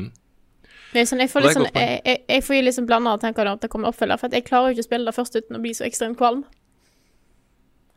Så sånn, Nei, å yes, det- endelig et bra spill som jeg ikke kanskje ikke får spilt. Og da er jeg litt Mm. Og det er, da, det er da eh, perspektivet og sånne ting. Det er ikke Ja. tematikken, Frida. Nei, nei, nei, nei, ikke så ingen, ingen, ingen tror det. Nei, det er, det er rett og slett eh, eh, kameravinkel og sånt som Åh, Sinnslidelse gjør meg så sjukt kvalm, altså. Ja, fy fader. Nei, men det så det er kjempe... eh, amazing. Ja, det, og det her så også kjempefett ut. Uh, vi fikk se ganske mye f nytt fra Ghost of Tsushima. Uh, vi fikk, fikk også en slags dato. Det er sommeren 2020. Så det ble da confirmed PlayStation 4. Det kommer sikkert en PlayStation 5-versjon, garantert. Ja. Men mm. det kommer i hvert fall på PlayStation 4. Jeg syns det så kjempebra ut. Kjempe, kjempe, kjempebra ut. Det, Det gjør det. Det er, altså det er vanskelig å være et samuraispill i en post-Sekiro-verden, men det kan, kan hende de får det til. Ja, det er jo litt, eh, det er jo litt eh, utfordringen nå, da. Fordi her, nå har du fått det perfekte samurai-sverdkampspillet, på en måte. Ja. Og så kommer det dette, og så kommer det et til. eh, Mm. Fra en kinesisk utvikler som heter Naraka Blade Point. Og det er jo uh, For Honor, men mer sånn uh, heftige kamper. Mer sånn eh, kine altså Hvis man har sett en del kinesiske sånn kampsportfilmer uh, Hidden Tiger, uh, Hidden Tiger, et eller annet Dragon Hva er- heter den? Hidden Quiet- Tiger. Hidden Tiger. Spill om tigergutt. ja, der har vi inne på Ole Brumm, det var sikkert derfor. Ja. Hvor det er også en viss connection til Kina. Um, Og der var vi banna i Kina. da var jeg banna i Kina. Sorry til alle våre kinesiske lyttere. Det, var, eh, det var dumt. Men, men uh, uh, jeg syns det så veldig kult ut. Også det, det er en sånn type spill som fort kan bli ganske bra. da Eh, Men så er det jo da fra en utvikler som jeg aldri har hørt om fra Kina. De har lagd svære ting, men helt andre typer ting. Mm. Så hvor bra det faktisk blir, det vet jeg ikke. Men hvis du er nå gira på sverdkamper og sånn samurai og ninja og sånne ting, så har du gode tider i møte, da. Mye kult som kommer. Nio 2 kommer også. Ja, ja. Og så er det første, det aller første confirmed uh, PlayStation 5-spillet avduket. Det er Godfall. Godfall. Det, skal, ja, det hørtes ut som eh, et uh, Melee Destiny. Hvor ja, du kan eller eventuelt Borderlands. Ja, Jeg fikk litt Jo. sånn board, ja, Det er litt av det samme, da. ja, det blir litt av det samme. Det er eh, in space, og det er eh, fantasiverdener og, eh, og overnaturlige ting og bla, bla, bla. Eh, men det er det det spillet er, da. Det er close combat, tredje person. Eh, Kan spille co-op, eller alene. Ja, Og mye fokus på lut. Mye fokus på lut. Det ble også eh, snakket om, uh, og det var ett som ble snakket om, og ett som ble avduket. Uh, nye MMO-er som ikke er lansert ennå. Og det er litt interessant, syns jeg, fordi begge disse spillene Eh, og særlig uh, det helt nye som vi ikke hadde hørt om, Magic Legends, tar på en måte utfordringen og prøver å liksom uh, hamle opp med World of Warcraft. Og det er det ingen som har turt på kjempelenge. De har alltid liksom lagd ting som distanserer seg veldig fra World of Warcraft. Um, Men særlig da Magic Legends ser ut til å, å snakke til de samme spillerne, på en måte. Ja, det, det er sant. Jeg syns det så kjempebra ut. Det, det er faktisk første gangen når jeg så Magic Legends-traileren. Det er første gangen jeg har tenkt at vet du hva, det spillet der tror jeg det hadde vært kult å spille. Så ja. Jeg kan veldig lite om Magic-universet, men uh, traileren Ja, jeg òg. Kan ingenting uh, i det hele tatt. Men eh, det var en sånn herlig miks av um, magic og combat og vakre verdener og litt sånn stilisert grafikk og Jeg Mm. syns det så veldig bra ut, da. Eh, Det andre MMO er jo New World fra det helt nye Amazon Studios. Eller det vil si, de er ikke nye. Det er jo et eh, studio som har skifta navn. Jeg husker ikke hva det heter. High Point eller noe sånt. Jeg husker ikke. Som eh, lager da en MMO som heter New World. Det er jo litt mer sånn um, realistisk grafikk-type ting, men en fantasy-setting og alle de tingene der. Uh, svære sverd og skinnende rustninger og Hmm. og så videre. Men det er jo mange øyne som er retta mot akkurat hva Amazon gjør på spill, så det er verdt å følge litt med på New World også. Så videre til neste announcement av et nytt spill, Bravely Default 2. Yes. Jeg ble litt forvirra over det, fordi mm. det fins jo på en måte et Bravely Default 2, men det heter Ja. Bravely Second. Jeg så det var en i chatten som, eh, som kommenterte at uh, Bravely Second må ses som Final Fantasy X2. Ja, jeg så den kommentaren. Det, jeg har ikke spilt Bravely Second, så, men det kan godt hende det stemmer. Men, Mm, eh, jeg, jeg har ikke peiling. nei. men jeg vet liksom ikke hva, hva forskjellen er, da, hvis det er en direkte oppfølger til Bravely Default. Er dette her også en direkte oppfølger? For det så ut som det var de samme karakterene. Så det er sånn, jeg vet ikke, Mm. vet ikke hvorfor dette heter to og ikke tre. Nei. Ikke greit å vite. Men det kommer i hvert fall så veldig pent ut. Og dette er også samme eh, studio som står bak eh, ja, Hva er det det heter igjen, da? Som kom i fjor? Octopath. Octopath Traveler. veldig stilistisk eh, vakkert å se på. Ja. Flotte soundtracks hver gang. Mm. Og så en veldig sånn ut av det blå announcement. The Wolf Among Us 2. Ja. Og da er det jo et selskap som har kjøpt opp rettighetene til alle disse Telltale-seriene, og også ansatt eh, mange av de som jobba der. Det er jo Syns det var kult å se at de bare viderefører arven, da. Ja, det, det var kult. Samtidig så er jeg sånn Jeg vet ikke helt hvem nye Telltale er ennå. Nei, det er et godt poeng. Så jeg er litt sånn Jeg er litt sånn usikker på hva jeg skal føle om det. Men, Mm. men jeg håper jo liksom at de har fulgt den originale visjonen her, da. Mm, For de annonserte jo Wolf of Us 2 før de la ned. det er sant, det. Men eh, så hørte vi ikke noe mer, Fordi da var det ikke noe mer. Så da håper Mm. jeg liksom at de, at de har eh, tatt det opp igjen, da, sånn som det var. Mm, For det var jo, det var jo mye sequel-potensial der. det var det. og så kommer det en oppfølger til The Forest, som har gått sin seiersgang på Steam de siste årene. Eh, spillet heter Sons of the Forest. Litt sånn horror eh, Ja, Horror survival. Horror. Ja. Mm, ja. Det så ekkelt ut. Mm. Det var også, også som noen kommenterte i chatten da når dere streama at det var litt sensuelt. litt ekkelt, Ja, men sensuelt. De, var, de var litt seksualiserte, de demonene. Det var de. Ja, plutselig fikk hun ekstra, et ekstra ben, og Ja, akkurat det var ikke så sexy, men liksom, det var noe sånn der De spilte jo litt på en sånn der sexy Ja. demon. Det gjorde de. de gjorde det. Sexy demoner, altså, på vei til en spillmaskin nær deg. Um, Dark Alliance var en sånn Dungeons and Dragons-serie som, uh, som hadde mange fans på PlayStation 2, husker jeg. Nå kommer det da et helt nytt Dungeons and Dragons Dark Alliance.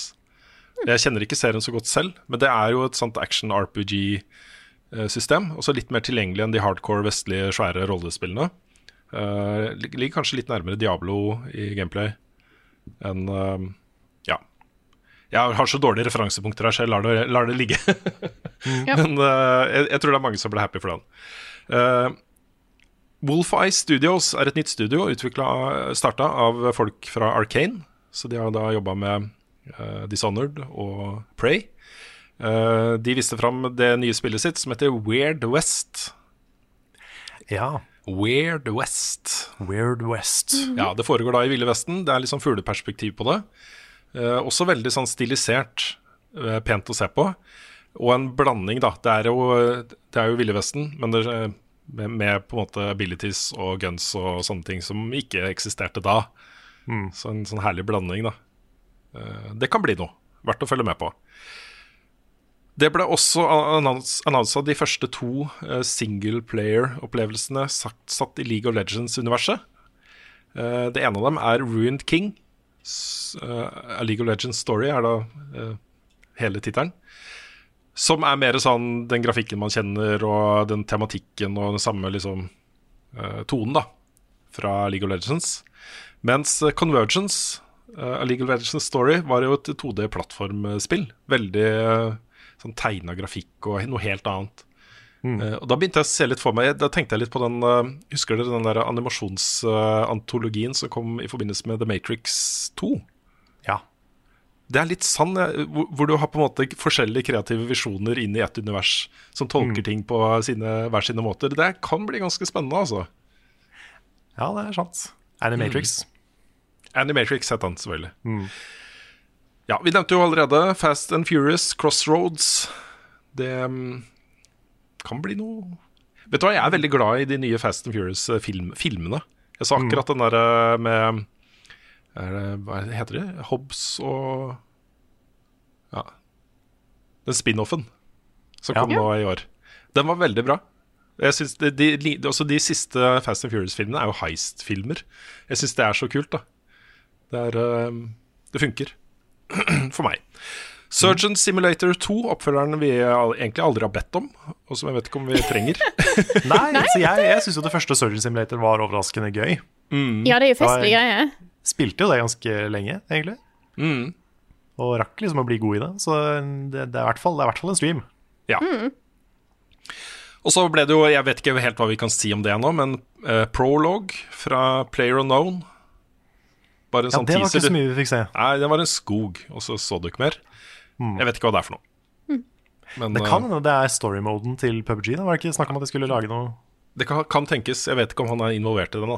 Eh, Nei. tror jeg ikke. Men eh, det virker mer som det er uh, et starten på noe nytt, tenker jeg. Ja. For han har jo gått fra det ene konseptet til det andre, og alt han har tatt i, har liksom blitt litt til gull. da Eller i hvert fall starta noe, og så har han gått videre, på en måte.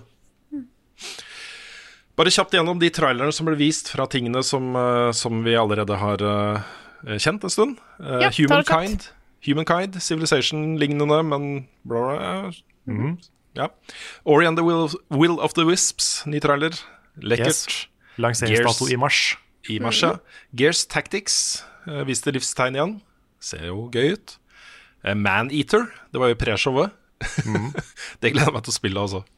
Du spiller da en hai. Du kan gå på land til og med og spise mennesker. Det er veldig bra. Uh, Warframe Empyrean, ny expansion ute nå. Uh, nye måter å spille på. Uh, Control Expeditions, også en delse til Control, ute nå. Uh, og så fikk eh, Foundations den første store delscenen lanseringsdato 26.3. Og så ble det vist fram en ny Final Fantasy 7-trailer. Jeg sparte det til slutt, jeg, i tilfelle du hadde litt å si om det, Carl. Ja, jeg har ikke egentlig så mye å si om det, for det var, det var mye vi hadde sett fra før. Dette fokuserte vel mer på characteren Cloud. Ja, og så var det, det var noen sånne Midgard-scener som, som vi kjenner igjen fra sjueren, og noen som ikke kjenner fullt så igjen. Mm. Men, eh, men det var liksom bare mer av det, vi har sett fra før, da. Ja. In other news har jeg skrevet i manuset mitt. Eh, det var jo en, eh, en State of Play fra Sony på tirsdag, hvor vi fikk da vite hva Babylons Fall er. Og det ble jo uh, annonsa på etere for halvannet år siden, fant vi ut. Ja. Med bare noen sånne stillbilder og eh, Vi kunne få inntrykk av en medieval setting, kanskje, men var det liksom turbasert? Hva, liksom, hva er dette her for noe? Uh, men det er jo med Platinum Games. Ikke sant, jeg vet ikke. Jeg vet Ja, ikke. nei, ok. Det kunne jo være at de skulle prøve seg på noe nytt. Ja. Men det alle håpa på, var jo en eh, Platinum Games action-opplevelse. eh, Satt i medieval setting, kanskje litt inspirert av Dark Souls. Så det var jo akkurat det det var. ja, det var det. så det så latterlig kult ut. Ja, That's mye mer my over the kind top of enn gameplay, enn Dark Souls. Ja. ja mye mer over the top enn Dark Souls, selvfølgelig. Men uh, jeg forventer at dette kommer til å være ganske vanskelig. Og at det har en del av den samme designfilosofiene bak progresjon og sånne ting. Hvis Ja, du kombinerer ja, det de to tingene, vi- kan det bli fett, altså. Og kampsystemet er platinum. Det er ingen som Ja, ja, ja. Nei, det er Ser som vi snakka om på kontoret, at eh, det er eh, det, det ser ut som Cold Vein, but good. Ja. Der kommer det mer informasjon neste sommer, så det er tydeligvis et stykke unna. Jeg, jeg vet ikke om vi kan forvente oss å se det i 2020. Nei, altså, Bajonetta kommer jo nå en Ja. gang, kanskje, så de er nok opptatt. Ja da. Ja. Og så ble da også Resident Evil 3 Remake offisielt uh, avduka på State of Play. Det kommer i april 2020. Og vil også da inkludere det som vi har sett fra før, som er uh, den asymmetriske multiplayer-opplevelsen uh, uh, Hva er det det het igjen? Project Resistance. Project da? Resistance, tror jeg det het. Ja. Um, hvor én er monstre, og tre er Eller fire, tre eller fire er uh, vanlige dudes og dudettes. De var, litt, de var litt søte med den traileren der, fordi de, liksom, de, de presenterte det som en trailer for Project Resistance. Ja, det gjør det. Og så viste det seg etter hvert at ja, men dette er Resident Evil 3. Mm, Jill var der, og Ja, ja. Det så veldig, veldig veldig kult ut. Eh, Det er også interessant å merke seg at Resident Evil 2-remaken har nå solgt mer enn originalen på PlayStation. eh, PlayStation. Wow. Du runda fem millioner solgte spill, så jeg tror kanskje det er tidenes mest solgte spill for Capcom. Wow. Eh, Hvis ikke det er Monster Hunter, jeg vet ikke. Nei, sist jeg hørte, men det var mulig det var før det kom. At de, de sa det var Monster Hunter. Ja. De er i vinden i hvert fall. Uh, Dreams, det nye spillet til uh, Media Molecule, lanseres 14.2. Og det er jo det spillet hvor du kan lage ditt eget spill. Mm. Ja. Uh, Final Fantasy 7-remaken vil være PlayStation-eksklusiv eh, et helt år, til mars 2021. Mm.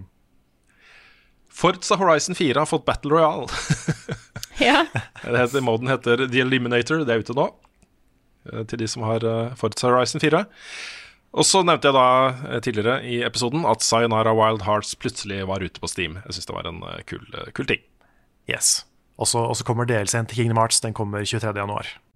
Ukens, ja, ukens spørsmål. Kommer Ruen sin standup på DVD, eller? Ukens, ja, Jeg selger et guttenavn. Hva er det du karet ditt? Hvilket språk snakker Frida egentlig? Hvorfor er Mario rørlege?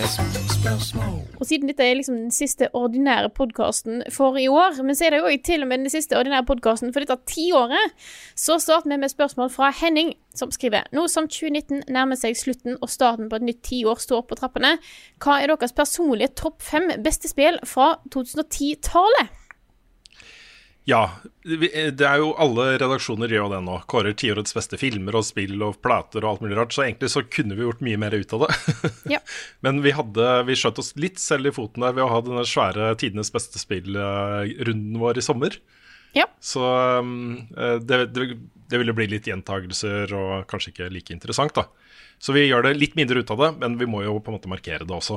Men jeg gjør det litt Så- annerledes òg, føler jeg. Fordi det jeg har lyst til å Ja. poengtere her, er at dette blir ikke eh, de fem spillene som står liksom på min topp 10-liste, som er fra 2010-tallet. Dette er spill som jeg har Eller i hvert fall jeg personlig har tolka det som mine favorittspill som både har prega mitt syn på spill i 2010-tallet, og som har vært viktig for meg, og som også står som store favoritter, da. Mm. Så det blir litt Ja, for det er jo to måter Det er to måter man kan gjøre det på. Man kan ta bare de personlige topp fem favorittspill fra tiåret. Uh, eller så kan man se på eh, på en måte viktige spill, anførselstegn. Og, da, og da har man også to options. Viktig for meg, eller viktig for spillmediet generelt. Uh, og jeg har i hvert fall valgt den tilnærmelsen. Uh, viktig for spillmediet, men også dritbra for meg. Ja. Altså, det, det, jeg, jeg går ikke gjennom hele og tar de fem viktigste tingene for spillmediet, men det er viktige ting for spillmediet, men som også er viktige for meg. Og da blir det en litt annen liste enn bare personlig topp fem fra det tiåret, altså. Ja, jeg har tenkt det samme. Da begynner jeg, Gjør det. tenker jeg. Eh, jeg skal ta det kjapt. Jeg har ikke nødvendigvis satt i en rekkefølge. Eh, jeg har tatt det litt sånn i den jeg, For jeg begynte liksom bak her, så jobber jeg litt framover. Så det blir litt sånn, men ikke helt. Eh, øverst på lista hos meg står Eller det første på lista, der står det Journey. Det var et, eh, for meg et spill som gjorde at jeg fikk litt øynene opp for at spill kan være litt art, artsy. Eh, og det er jo mange sånne type indiespill jeg har blitt veldig glad i, så derfor står den litt ut. Selv om det er mange artsy eh, indiespill resten av tiåret som har vært veldig store for meg. Eh, neste her Minecraft. Det er jo ingen tvil om at det har vært stort spill for sp- spillmediet, og har definert dette tiåret, men det har òg vært veldig viktig for meg eh, personlig. Spilte mye pretty, pretty, pretty good. Det tror jeg det er ganske enighet om, på internett i hvert fall. Mm. Eh, jeg kan ikke ha denne lista uten å ha med Portal 2, som er mitt favorittspill for all time. Eh, så da Ja, nye regler plutselig. Ja. jeg bare tuller. Jeg er bare altså, hallo, da, hvis ikke da er et viktig spill, så eh, vet ikke jeg. Det er jo ganske Jeg snuste på Portal 2 sjøl, men da, da, da følte jeg at det var Portal 1 som var det viktige spillet. Og så er Portal 2 kanskje det beste spillet for mange. Ja, men jeg eh, det, det, jeg, Jeg jeg, prøver ikke å kritisere lista, det altså. Det er helt i orden, Frida. eh, Så har jeg Undertale, som er jo et stort, eh, stort spill både for, for spillmediet og for meg, eh, som må være med. Og det siste jeg har her, er Zelda Breath of the Wild. Eh, for jeg syns at det viste godt, selv om det kom måtte sent på tiåret, så viste det veldig godt hvor, hva som kan gjøres. Hvordan du kan gjøre open world-spill på en utrolig, utrolig god måte. For open world-spill har jo vært veldig viktig i dette tiåret her òg. Eh, så det for meg liksom var toppen, da. På den. Ja. Uh, Frida, Ja. kan jeg gå nå? Fordi vi har nesten nøyaktig samme liste. Det er derfor jeg ville gå først, for jeg regner med at det Ja. var mange hadde likt Hei. Det er mulig det er noen repeats på min også. Ja. Nei, jeg kan jo begynne på femteplass. Og det er litt uh, det, er, det er jo litt fordi spillet har vært viktig for meg, men også fordi det har, eh, det har vært så stort og så mye, og jeg hadde kanskje ikke sittet her hvis ikke det var for det. Og det er Minecraft. Det, det har liksom Det var det som gjorde at jeg ble oppdaga på internett, og kanskje Kanskje jeg ikke hadde turt å søke på level up-jobben hvis ikke det var for at jeg hadde litt, eh, litt Minecraft-greier fra før. Så det har vært viktig. Breath of the Wild er på fjerdeplass. Eh, samme grunn som du sa, Frida. På tredjeplass har jeg Portal 2. Ja. Det er sånn, jeg, jeg vurderte å skrive Portal slash Portal 2, men jeg endte opp på Portal 2 fordi det liksom det Portal 1 var kanskje viktigere sånn for å etablere Portal. Men Portal 2 er så mye mer for meg. Den hele, hele den pakka er så det, er så det er så bra. Det er så, sånn perfekt spill. Det er ingenting med det som er feil. Og så, den ene som er annerledes, det er andreplassen. Og det er Dark Souls. ja. Og det er da liksom Bloodborne er favorittspillet mitt i serien. Men uh, hvis vi skal gå for liksom viktighet, uh, spill som etablerte ting uh, og sånn, så endte jeg opp på Dark Souls. Fordi vi hadde ikke fått de andre uten Dark Souls. Jeg kunne satt Demon Souls der. Men jeg tenkte at liksom Demon Souls starta det, men Dark Souls var liksom det som perfeksjonerte det, som gjorde det populært. som gjorde det til en ting som folk ble sykt gira på. Som forandra spillmediet, liksom. Så derfor så ble det Dark Souls. Og på toppen, sjokkerende nok, så er det Undertale. Og det er, eh, det er bare Jeg prata om det så mange ganger, men uh, bare måten det utfordrer spilltropes på, måten det bruker uh, gameplay i historien, budskapet i det Det er liksom bare alt jeg liker i et spill. Humoren. Det er bare sånn der herlig sånn boble av bra. Yes. Ja, nå kan, nå kan jeg gå. Ja. Ja. Nei, jeg har to spill som dere ikke har. Ja. Um, Men på femte, min femteplass så har jeg også Journey. Og det representerer det samme uh, som for deg, Frida. Uh, det er på en måte en representant for uh, hvor bra disse små indiespillene på, på to-tre timer kan være. da Uh, Og hvor mye de kan bety for meg. Så selv om kanskje Jeg vil nok si at i den sjangeren så vil jeg nok rangere f.eks. Inside over. Så vidt, så vidt. Men uh, den, den er viktig, og den har vært veldig viktig det tiåret her. Uh, Det at små studioer kan lage fantastiske spillopplevelser uten å ha hundrevis av folk og bruke årevis på det, det er kjempebra. Så, så eh, den representerer det, da. Eh, På da fjerdeplass så må jeg også ha med den, eh, en annen retning i spillmediet som betyr utrolig mye for meg, og det er jo de hvor du kommer tettere på rollefigurene, historien er viktig, og dialogen er bra og relevant, og de prøver å si ting om det å være menneske og alle disse tingene her. Uh, og der har jeg satt opp som representant for det, kanskje det første spillet som var utrolig sterkt for meg da, på det historieplanet og rollefigurplanet, uh, The Last of Us uh, fra 2013. Eh, men det kunne vært God of War, det kunne vært Red Redemption, særlig to. Eh, det er elementer i Uncharted, men også den type spill da, som eh, er liksom modne og eh, relevante på den måten. Så The Last of Us på fjerde. På tredje har jeg også Minecraft. Det er jo helt sjukt. Det hadde jeg aldri trodd. Hadde spurt meg for fem år siden, hadde jeg aldri trodd at jeg kom, kom til å kåre det til et av de som var viktig for meg personlig også. Eh, her har jo jeg både som medie, spillmediemessig eh, har det jo vært utrolig viktig for det tiåret. Det kom jo offisielle release i 2011, men var jo ute Hele tiåret har det vært ute, og hele tiåret har det vært dritsvært. Mm. Uh, og det er uh, amazing, altså den impacten det spillet har hatt på, på folk. Min personlige, min personlige grunn til det er jo at jeg spilte jo gjennom altså vi tok, Jeg tok Ender Dragon sammen med ungene mine. Vi, det var den første store spillopplevelsen som vi delte sammen. Fra start til slutt. Og det var det, magisk. det var helt magisk. Det var kjempebra. Så det er en veldig sånn Her kan du eh, nå folk på tvers av generasjoner og alt mulig rart. Det er en veldig unifying spillopplevelse. True. På andreplass har jeg også Dark Souls. Mm. Det kommer jo seint inn på mitt uh, spillvokabulær, men uh, uh, ingen tvil om at det har vært viktig for spillmediet. Mm. Uh, og det har definitivt vært ekstremt viktig for min personlige spillsmak. Uh, og det var jo da Bloodborne som var min inngang. Uh, men det, det, Dark Souls fortjener den plassen, for den var først. Ja. Og så og så spilte du ikke minst på en veldig hyggelig måte. Ja. det, var, det er to av disse spillene her som kommer direkte fra Film i tullespalten vår, Karl. Og det er, det, Det er det. din skyld Det er din skyld at de spillene her er på lista. Det er jo kjempebra. Ja. Og tenk, du kan, du kan se hele Runes første playthrough på kanalen vår. Ja, det er helt sant. Minus noen fuckups da, innimellom. Ja, jeg tror ikke vi kutta så mye vekk fra Soulmates. Nei, fra Sommers, nå tenkte jeg på Minecraft. oh, ja, ja. ja. Nei, men det er sant. Det er sant. Eh, det vi kutta bort fra Soulmates, var at jeg grinder for å komme opp i level ja. mellom episodene. Og alt den der trøtte bullshitten vi kommer med innimellom. Ja. Og så kan dere jo gjette da hva jeg har på førsteplass, som har vært viktigst for meg, og som jeg har brukt mest tid på i det tiåret her, og som eh, også har hatt stor impact på eh, spillmediet, som vi har sett i senere tid, med nye spill som prøver å gjøre akkurat det samme. Du har Kingdom jo Hearts tegn 3. på toppen, ja. Ja, det er selvfølgelig Destiny. Det er selvfølgelig Destiny. Eh, og det den representerer her, da, på denne listen, er jo i tillegg til de personlige, altså Raiden og Walter Glass og alt dette her, det er jo spill som hobby. Spill som hobby som bare eh, blir en del av livet ditt fra uke til uke, måned til måned, år til år. Eh, du knytter vennskapsbånd, eh, du får nye venner. blir en del av et mikrocommunity inn i et stort community, og sånne ting. Og det er den betydningen det kan ha i livet til folk, da, det å ha en sånn type hobby, er, er kjempebra.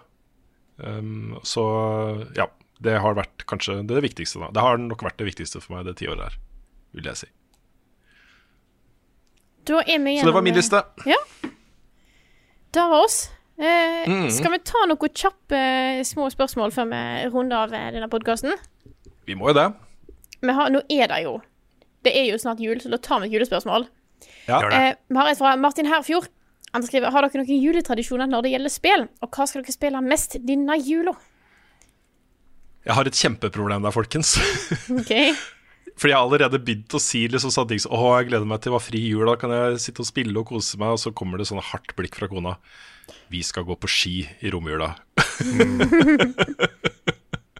og både sønnen min og jeg vil jo bare sitte inne og spille dataspill, ikke sant. Så her kommer det til å bli gøy. Family life. Nei, jeg har, ikke, jeg har hatt noen tradisjoner tidligere. Det har liksom ofte fått spilt i jul, og så spilt da jeg har.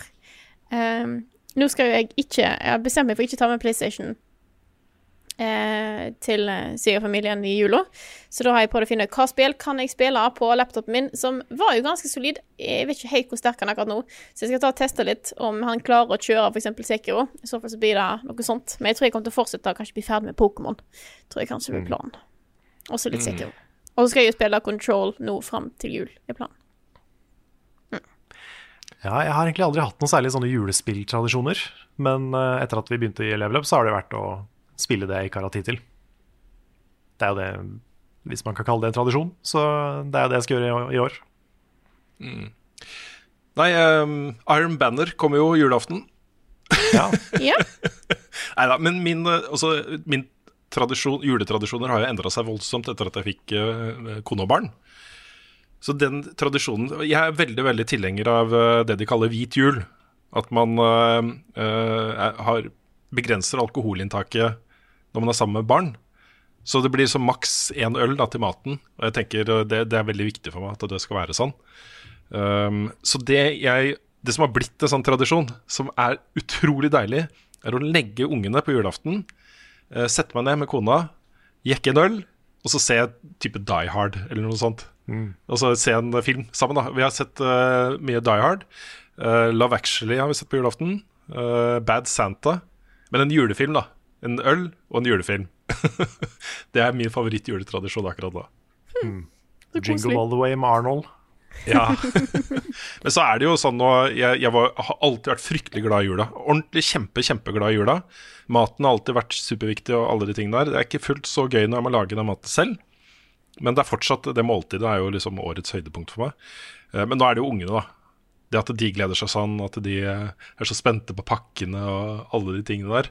Som jeg kan liksom huske litt hvordan det var å være barn på jul. Det føles ganske godt, altså. Og det å være nissen, selvfølgelig. Ja, det er faktisk en ting jeg håper jeg får muligheten til å være. Mm. Det, det virker koselig å være nissen. Ja, det anbefales.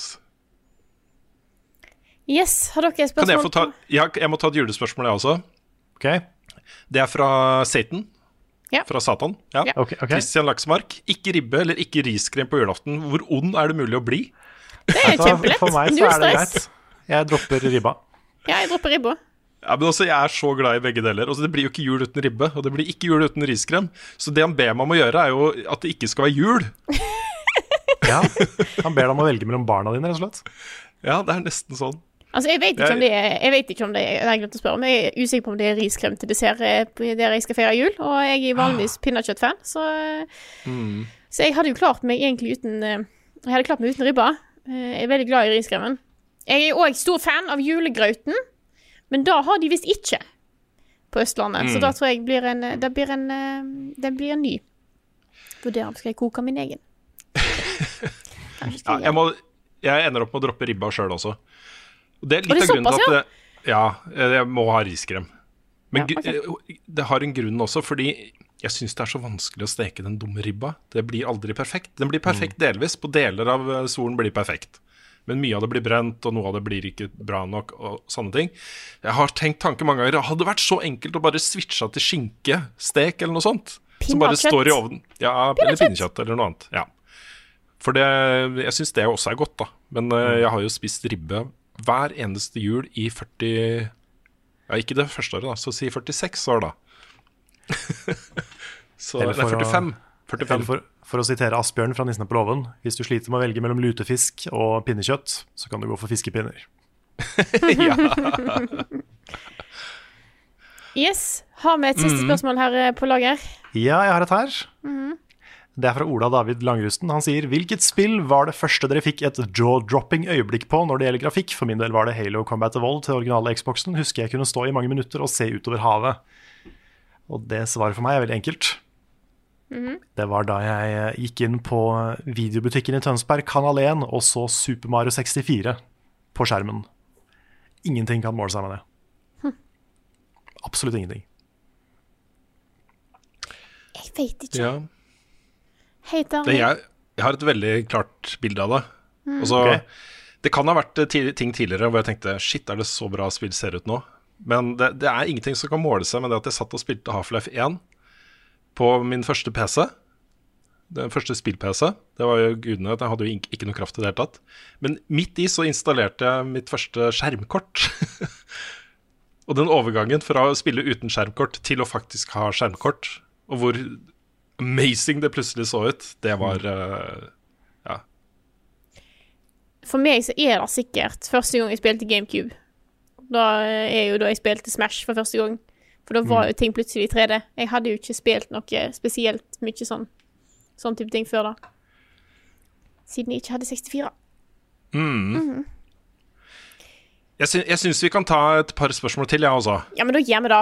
Ok? Ja. Ja. Fordi når eh, Hasse Hope først gidder å sette seg ned og så sende spørsmål til Lille oss, så syns Ja. jeg vi skal svare på det. Ja. Det er koselig. Det er koselig. Og god jul til Hasse. Eh, han spør da Ja, hei, hei, Hasse. Eh, og trist at de skal legge ned Dustene. Å, skal de da? er, eh, Ah. Ja, men eh, har, den har hatt et bra run, altså. Så mm. veldig bra. Har vært en av mine all time favorittpodkaster. Eh, Men greit. Spørsmålet er da gjennom tidene hvilket spill sine spillskapere burde skamme seg mest? Åh. Den burde jeg tenkt på på forhånd. Tiden, liksom. Dere må gjerne starte. For da er det liksom Hva spill Altså, er det et spesifikt spill? Sier det spilles uh, spill? Ja. ja. Mm. Ja. Ja. Jeg har ikke så mye til overs for de som lagde Hatred. Nei. Jeg ser hvor denne kommer fra. Mm. Jeg har det en, en, nesten tilsvarende, men uh, de som har lagd Postal-serien Ikke Mm. Portal, men Postal. Det er så ræva humor, ass. Det er så ræva humor. Og det er ikke ja. Setter en Ja. Det, Eller- det er bare eller- dårlig humor. Jeg syns Ja. ikke det er provoserende, men det er bare dårlig humor. Ja, det er bare det, er bare så, samme med Hatred. Det er bare teit. Det er bare sånn derre Det er Shadow the Hedgehog i virkeligheten. Bare verre. Ja, Ellers så har de jo alle disse spillene med kjipe mikrotransaksjoner og sånt, men der er Ja. det publisherne som bør skamme Ja. seg, ikke utviklerne. Det ligger Ja. ikke i design. Ja, hvis det, hvis det på en måte er fletta inn i designet, hvis det, er, hvis det er et spill som gjør alt for at du skal bli hekta og bruke penger på det, og bli liksom bli avhengig av på en gambling-måte Ja, ok, Men da kan vi bare nominere Candy Crush da med en gang, som et sånt spill. ja, og Generelt alle spill som prøver å få deg hekta på gambling. ja. Ja. Jeg tror kanskje en liten del av meg har lyst til å si det Tailspin-spillet jeg hadde på Super Me eh, Sega Mega Drive, som var altså så dårlig at jeg bare gikk rundt og var sint. Og det var det ene spillet vi hadde fått tak i en periode, så det er, det er sånn drittspillkandidat. Så de som lagde den, ta og sett dere i et hjørne og tenk dere om. Og så må jeg ta et spørsmål her til. Jeg må ta et spørsmål til. Ja, ja. Fordi nå går jeg rundt og tenker på å skaffe hund. Gjør masse Ja, research ja, ja, og sånne ting. Spørsmålet er fra Kristoffer Gettoboys Hansen Leistad. Best dog in games. Oh. Jeg kan begynne. Mhm. Ingen over, ingen ved siden. Fable 2. Det var liksom Det var første gang jeg fikk en sånn dyrecompanion, en kjæledyr, i et spill som ble så viktig da, for hele spillopplevelsen.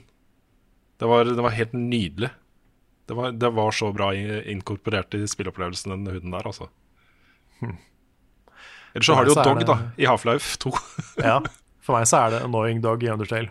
Ja, for jeg skulle til å foreslå han, eller Er det Lesser Dog eller Greater Dog, så du kan klappe sånn?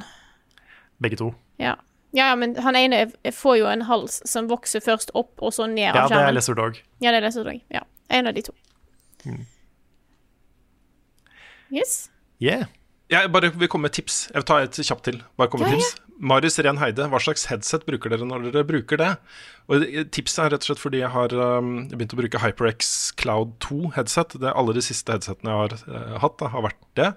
Eh, Det har ikke vært mange av de. Det har vært to, to eller tre sets til forskjellige steder, kontorer og sånt. Og Det er kjempebra, fordi det koster liksom 600-800 kroner. Og har veldig god kvalitet på mikrofonen og veldig god kvalitet på, på lyd. Men det er jo ikke sånn 7.1 surround og sånt, men det er et kvalitetsheadset til en billig penge. Så jeg ville bare få fram at det er et headset jeg anbefaler. Jeg, eh, når jeg skal kjøpe headset sist, er det da at jeg vil gjerne ha ett headset som jeg kan bruke til alt. Jeg hører veldig mye på musikk, podkast, whatever. Eh, hvis jeg skal ha ting på Hvis jeg skal ha mikrofon, så har jeg eh, Zoomen min som jeg bruker. Så jeg kjøpte da et Sony-headset som heter et eller annet som jeg ikke husker hva heter. Eh, jeg skal ta og se på det, men skal finne ut hva som er hans headset. Jeg, det beste headsetet jeg har hatt, det er eh, Sennheiser PC363D. Det er et bra headset. Og det følger med et sånt lite mini-lydkort som du kobler til PC-en med USB. Og det blir så Mikrofonen er kjempebra. Jeg brukte den til å voice masse videoer og greier. Og eh, headsetet er veldig behagelig og bra. Så eh, det har vært mitt eh, favorittheadset. Ja, det er Grunnen til at jeg valgte dette, her er rett og slett fordi at det skulle være komfortabelt nok til at jeg kunne ha det på hele dagen. Og da er det. Mm. dette er et Sony MDR1A. Så det er ikke gaming-headset, men eh, mitt allround-headset. Yeah. Har Da dere det unna. Da, nei, nå, ja, Nei, da nå- jeg, Du får ikke lov lenger. Nei, det er greit. Da, da, da gir vi oss. Da vil vi si, eh, før, eh, før vi tar juleferie, en stor, stor, takk, stor, stor takk til alle dere som støtter oss på Patron. Håper dere får ei fantastisk jul med flotte gaver og riskrem. Riskrem. minst. Mye. Mengder. Mye. Jeg, jeg må nevne, jeg var jo, Vi var på sånn juleverksted hos foreldrene mine forrige helg. Hvor de lagde marsipan. Det er sånn tradisjon vi har fått. da Og da fikk vi riskrem. Hjemmelagd riskrem. Det var årets første riskrem på meg, da. Det er så godt. Og alle sånn, ikke sant Alle, Når alle har forsynt seg, og det er litt igjen. Det er ikke snakk om noe. Jeg prøver liksom Hvis noen andre vil ha Jeg er sikker på at ingen vil ha det, men alle sa Du, ta den, du. Alle vet at jeg så gjerne vil ha det siste resten her. Ikke sant? og det er koselig, da. Ja, Men er spiser du mindre julemat for å få plass til mer riskrem? Nei, det er jo det som er problemet, da. Ja. Og med da så sier jeg tusen takk for oss. Takk for at du hørte på, denne episoden her av Level Backup. Og så snakkes vi igjen neste uke.